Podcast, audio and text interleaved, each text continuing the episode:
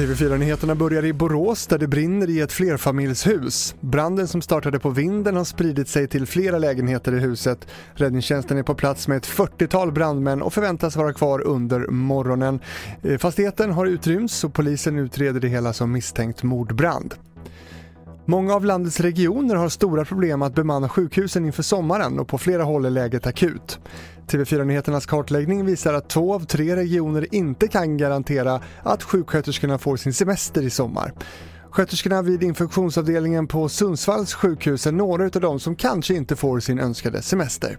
Det här har ju hållit på i över ett år nu eh, och sjukvården är ju belastad redan sedan innan också. Eh, och sen en pandemi på det, det gör liksom att våran ork börjar ta slut. Malin Karlström, sjuksköterska, infektionsavdelningen Sundsvall. Och till sist om Tre Kronors förbundskapten Johan Garpenlöv som tar på sig ansvaret för den svenska floppen i ishockey-VM i Riga. Han säger till SVT att han inte planerar att avgå men säger att han är otroligt besviken. Med TV4 Nyheterna nu, Fredrik Rahlstrand.